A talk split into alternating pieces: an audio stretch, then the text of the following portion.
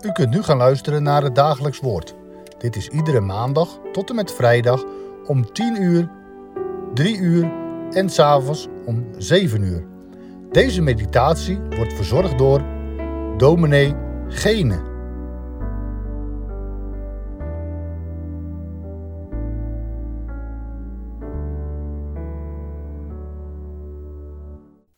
Hartelijk welkom op deze dinsdag bij een uitzending van het dagelijks woord. Het was Pinksteren, afgelopen zondag. Gisteren hadden we ook nog de tweede Pinksterdag. En Pinksteren is ook een van de drie grote feesten waarover in de Bijbel geschreven wordt die de Heer bij zijn volk Israël heeft ingesteld. Paasfeest, Loofhuttenfeest in het najaar en net als bij ons, vijftig dagen na het paasfeest, het Pinksterfeest.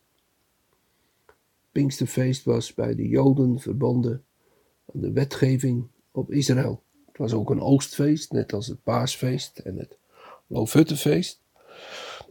Maar het was ook een feest waarop Israël gedacht aan de wetgeving op de Sinai.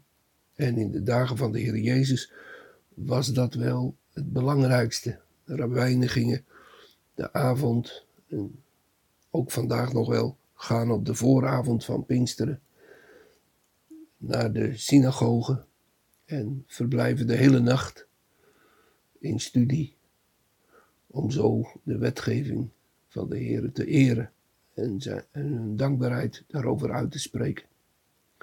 We lezen vandaag bij dit Pinksterfeest de eerste twee versen van het boekje Rut.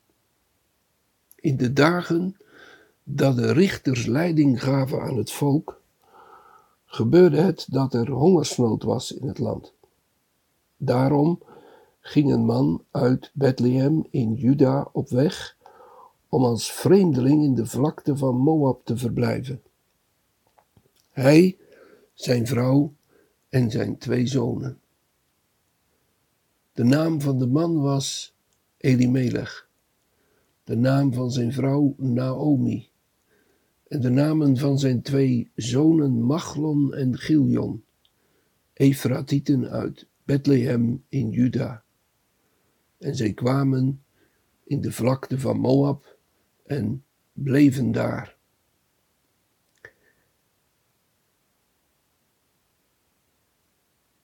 Ik zei u al, het is een rol, een boekrol, die Israël leest op het Pinksterfeest. En dat sluit ook wel aan bij het slot van het boekje. Het laatste gedeelte daarvan spreekt in hoofdstuk 4 over het feest van de oogst. En als Naomi en Rut, zoals u ongetwijfeld wel weet, terugkeren, dan is het de tijd van de oogst. Een klein boekje, vier hoofdstukken slechts. En ja, we hebben het samen gelezen. Het begint. Ja, het geeft ons een tijdsaanduiding. Het vertelt ons dat er hongersnood was. En het gaat over een man en zijn vrouw en, zijn, en hun twee zonen. We moeten wel het verband van de openbaring van de Heere God aan Israël kennen in het geheel van de Bijbel, om er iets van te verstaan, iets van te begrijpen. Iemand heeft een bundel met preken over dit boekje uitgegeven onder de titel Het gewone leven. Want zo komt het allereerst op je af. Wanneer was het dat dit boekje, wanneer was de tijd die dit boekje beschrijft, de dagen van de richters. We kennen de richters. U weet het boek Richteren in de Bijbel. Waar Jefta en Gideon en de laatste richter Samuel in naar voren komen. Een tijd waarvan in dat boek te lezen is dat de openbaring van God, de gezichten van God, het spreken van God tot zijn volk, schaars was, zo wordt het wel genoemd. De Heere openbaarde zich niet. Hij leek wel niet te spreken. Een stille tijd. Een donkere tijd. En het boek Richteren, dat is er vol van dat het volk van Israël naar de Heer luisterde en gezegend werd, maar zich dan weer van hem afkeerde in hoogmoed of zich wendde tot de goden van de, van de buitenlandse natieën, tot de afgoden. En zo bemerkten ze de hand van God die hen van dat heilloze pad wilde terugbrengen. En mogelijk moeten we zo ook dat eerste zinnetje opvatten. Het gebeurde dat er hongersnood was in het land. Dat is niet maar een gebeurtenis. Dat is niet maar iets dat je nu eenmaal overkomt. Maar de Bijbel vertelt ervan en beschrijft deze gebeurtenis in het licht van het heilshandelen van de Heere God. Je moet bedenken dat aan het slot van het boekje de geboorte van Obed wordt genoemd. En Obed was de vader van Isaïe en Isaïe was de vader van David, de koning. En dan ineens zie je dat het boekje staat in, de grote, in het grote heilshandelen van God. Onderweg, om het maar zo te zeggen, naar de zending van zijn zoon, de grote zoon van David, de Heer Jezus Christus. Dat betekent niet dat we dit boekje moeten vergeestelijken en dat we, dat we achter ieder woord en achter ieder zinnetje iets moeten bedenken met een verderliggende of een verborgen betekenis. Nee, ik denk dat we die uitlegger wel kunnen volgen die zegt dat het in dit boekje gaat over het gewone leven, maar wel over hoe God zich ook in het gewone leven openbaart. Hoe de Heere God in het leven van mensen komt. Dat wat wij het gewone leven noemen.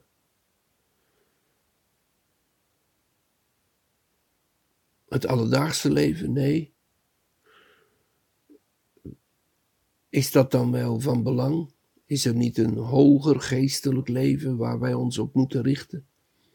En ons niet te veel gelegen laten liggen aan de gewone dingen, het gewone leven. Wij weten nu hoe het gewone leven ons dag aan dag kan bezighouden. Want het gewone leven dat wordt nu bepaald door een pandemie. Niet een hongersnood, al is die er op allerlei plaatsen in de wereld vandaag ook, maar een uitbraak van een besmettelijke ziekte. En, en ons hele leven wordt erdoor bepaald. Iedere dag worden we geconfronteerd met de cijfers. Elke keer weer komen de vragen op tafel: hoe moet dit, hoe moet dat? En hoe wordt het gewone leven van heel veel mensen door deze pandemie verstoord? Je kunt niet naar je werk, je moet thuis werken, de kinderen kunnen wel of niet naar school. En nu zijn we allemaal bezig met hoe gaan de versoepelingen, hoe snel kan het. En als je het nieuws volgt, dan lijkt het wel alsof heel Nederland alleen maar bezig is met de vraag wanneer kan ik waarheen op vakantie. Dat gewone leven, dat is niet onbelangrijk. Dat is voor een gelovig mens niet iets dat er niet toe doet, want wij kennen immers een geestelijk leven. Nee, geestelijk leven betekent wandelen met God in het wat wij noemen gewone leven. En daarvan hebben we in dit boekje Rut een voorbeeld. Hoe God spreekt, gesproken heeft. En dan zijn we ook bij het Pinksterfeest. Hoe de Heilige Geest is uitgestort op alle vlees, te beginnen bij die eenvoudige vissermannen die leerlingen van de Heer Jezus waren geworden en hem zijn nagevolgd. En door hem zijn uitgezonden, apostelen zijn geworden, zendelingen zijn geworden om van de Heer Jezus en zijn grote daden van het werk dat hij gedaan heeft aan de mensen te vertellen. En dan zien we dat, dat soms ogenschijnlijk onbelangrijk gebeurt. In dit boekje gaat het over een mevrouw die Rut heet.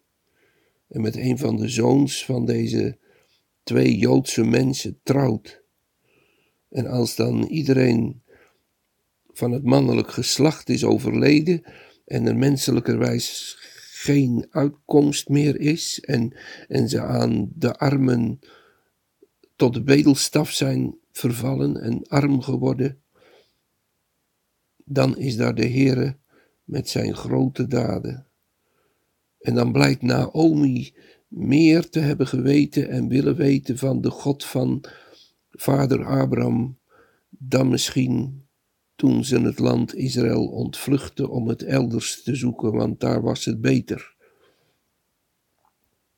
En dat begint nu, hier, in hoofdstuk 1, vers 1 en 2. Ze gaan op weg om als vreemdeling te verblijven in de vlakte van Moab, in een land waar de heidense godsdienst het voor het zeggen heeft.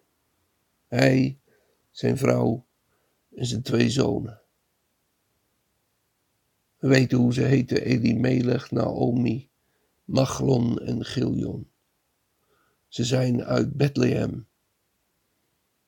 Dat betekent het broodhuis. En wij weten dat is de plaats waar straks ook koning David geboren zal worden. Dat is de plaats waar straks ook de grote zoon van de koning geboren zal worden, de Heer Jezus Christus. En die mensen die zijn in de vlakte van Moab. Ze bleven daar. Wat kan er toch gebeuren in ons leven? En wat zien we het gebeuren om ons heen in het leven van mensen? Dat ze de daden van God vergeten, dat ze het ergens anders zoeken, dat ze hun hoop en verwachting op anderen en zelfs op andere goden stellen dan op de Heere van wie ze gehoord hadden toen ze nog klein waren, uit de mond van vader en moeder. U moet het misschien ook meemaken met uw kinderen of kleinkinderen. En we zien het vandaag om ons heen. Dat het wel lijkt of we verkeren in de vlakte van Moab. In een land waar God niet van weet. In ieder geval in een land waar de mensen van God niet weten. En dan zegt dit boekje ons. Daar is God. Daar spreekt Hij. Daar komt Hij. En dan gedenken we met Pinksteren in de rug de grote daden van de Heilige Geest die het uit Christus neemt en het ons bekend maakt. En slaan we zo de komende tijd samen dit boekje op. En komen de dingen die hier geschreven zijn langzamerhand aan de orde. De man heet Eli Melech. Mijn God is koning. De naam van de vrouw Naomi, die komt later in de uitleg. Noem mij niet Naomi, maar noem mij Mara, want de Heer heeft mij bitterheid aangedaan. Of deze namen breed uitgewerkt veel betekenis hebben. In ieder geval, het zijn namen die gekozen zijn met het zicht op de God van Israël, met de belofte van God. En waar die is, daar is de verwachting. Ook al is het een donkere tijd. De Heilige Geest kwam. En het zal zijn in die dagen dat ik zal uitgieten van mijn geest op alle vlees. En uw zonen zullen gezichten zien en uw dochters zullen profiteren.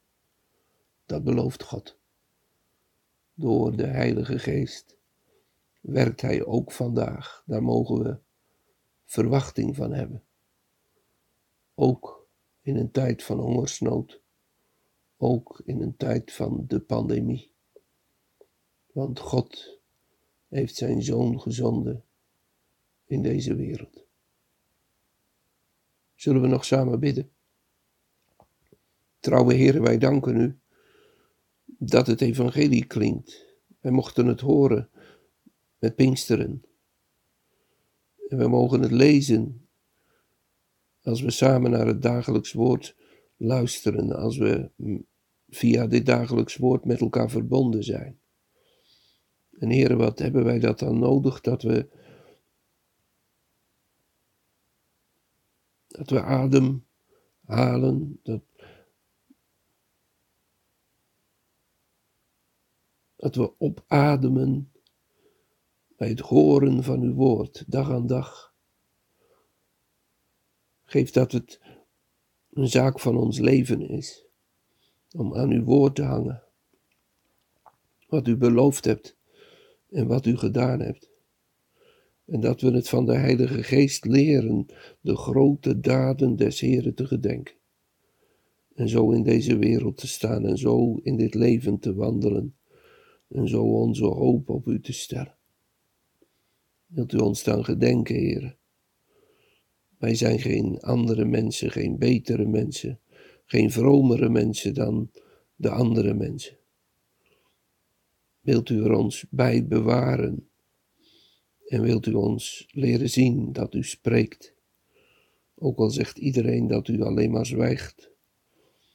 Of al zegt de wereld om ons heen dat u er niet bent. Dat wij in u geloven omdat wij dat nu eenmaal willen, maar niet omdat er iemand in de hemel is. Och Heere, wat een zegen dat we beter mogen weten. En schenk ons dat dag aan dag, door het geloof u te kennen, lief te hebben, te vertrouwen en met heel ons bestaan aan te hangen. Ga zo met ons en draag ons ook in deze tijd. Wij bidden het u in de vergeving van ons kwaad, om Jezus wil.